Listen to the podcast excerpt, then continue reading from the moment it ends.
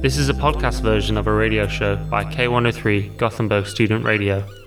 Find us at k103.se. Due to copyright, the music is shortened. I've heard that some people find it incredibly difficult to return bottles for recycling.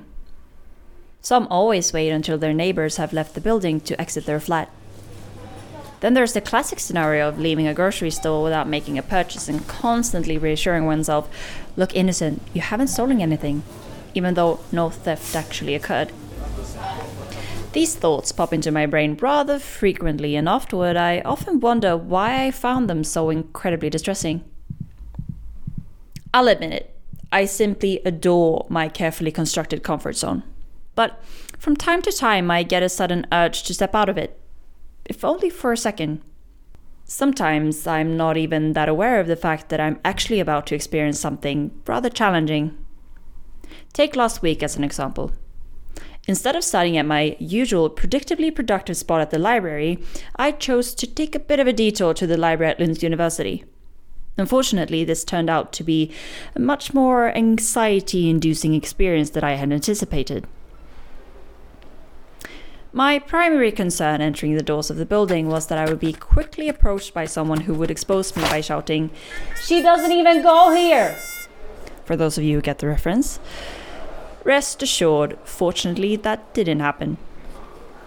As I strolled through the cafeteria filled with students and teachers chatting away and munching on their probably disgustingly dry muffins, I tried to appear as cool and composed as possible. This, however, was not a simple task as I had no idea where I was going. Do you remember Beyblades, by the way? Those spinning toys that kind of looked like flat transformers? That's how I felt, except I probably looked a lot less cool. That was weird, but to put it simply, my social anxiety had reached its peak. Now, of course, you might say to yourselves, but Mia, you could have just asked someone for directions. But to that I say, that's social interaction, and I don't support it. Besides, asking for help would practically be admitting, okay, I lied, I shouldn't be here, I'm sorry. Oh, and also, I'm Swedish, so what do you expect from me?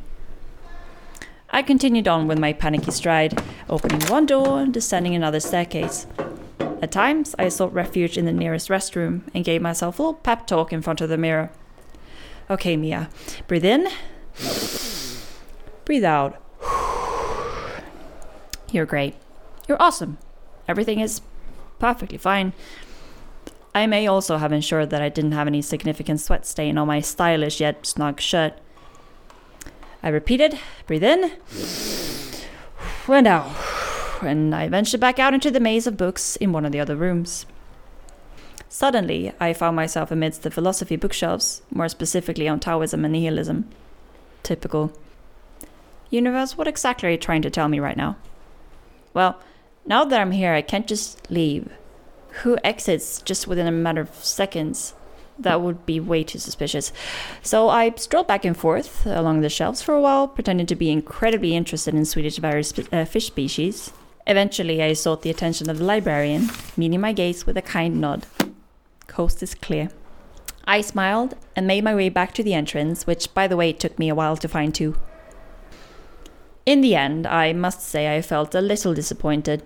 I had, after all, wasted around one and a half hours that I could have spent at my predictably productive spot. And now I also really crave a vanilla latte. I mean, I should give myself a little treat for at least trying something new. As I opened my bag to pay at the nearest cafe, it suddenly dawned on me that my laptop was still at home in the apartment. Hmm. well, I guess it's a sign that it's better for me to stay within my comfort zone for a while. Moral of the story? Well, I must admit it didn't end too well for me. But still, many do say that we should always push ourselves to challenge our comfort zones. If not by recycling bottles or going to a library, it could be through, I don't know, getting rejected. I've heard that a hundred times should be enough. I don't really know if this is actually true or not, but still, I have my faith in all of you. It will go just fine. But if it doesn't, remember, you're not alone. Cheers to that.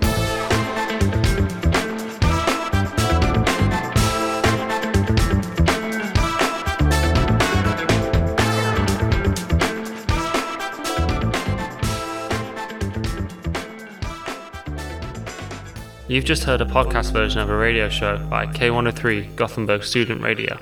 You'll find all our shows at k103.se. Follow us on Facebook or Instagram. Stay tuned.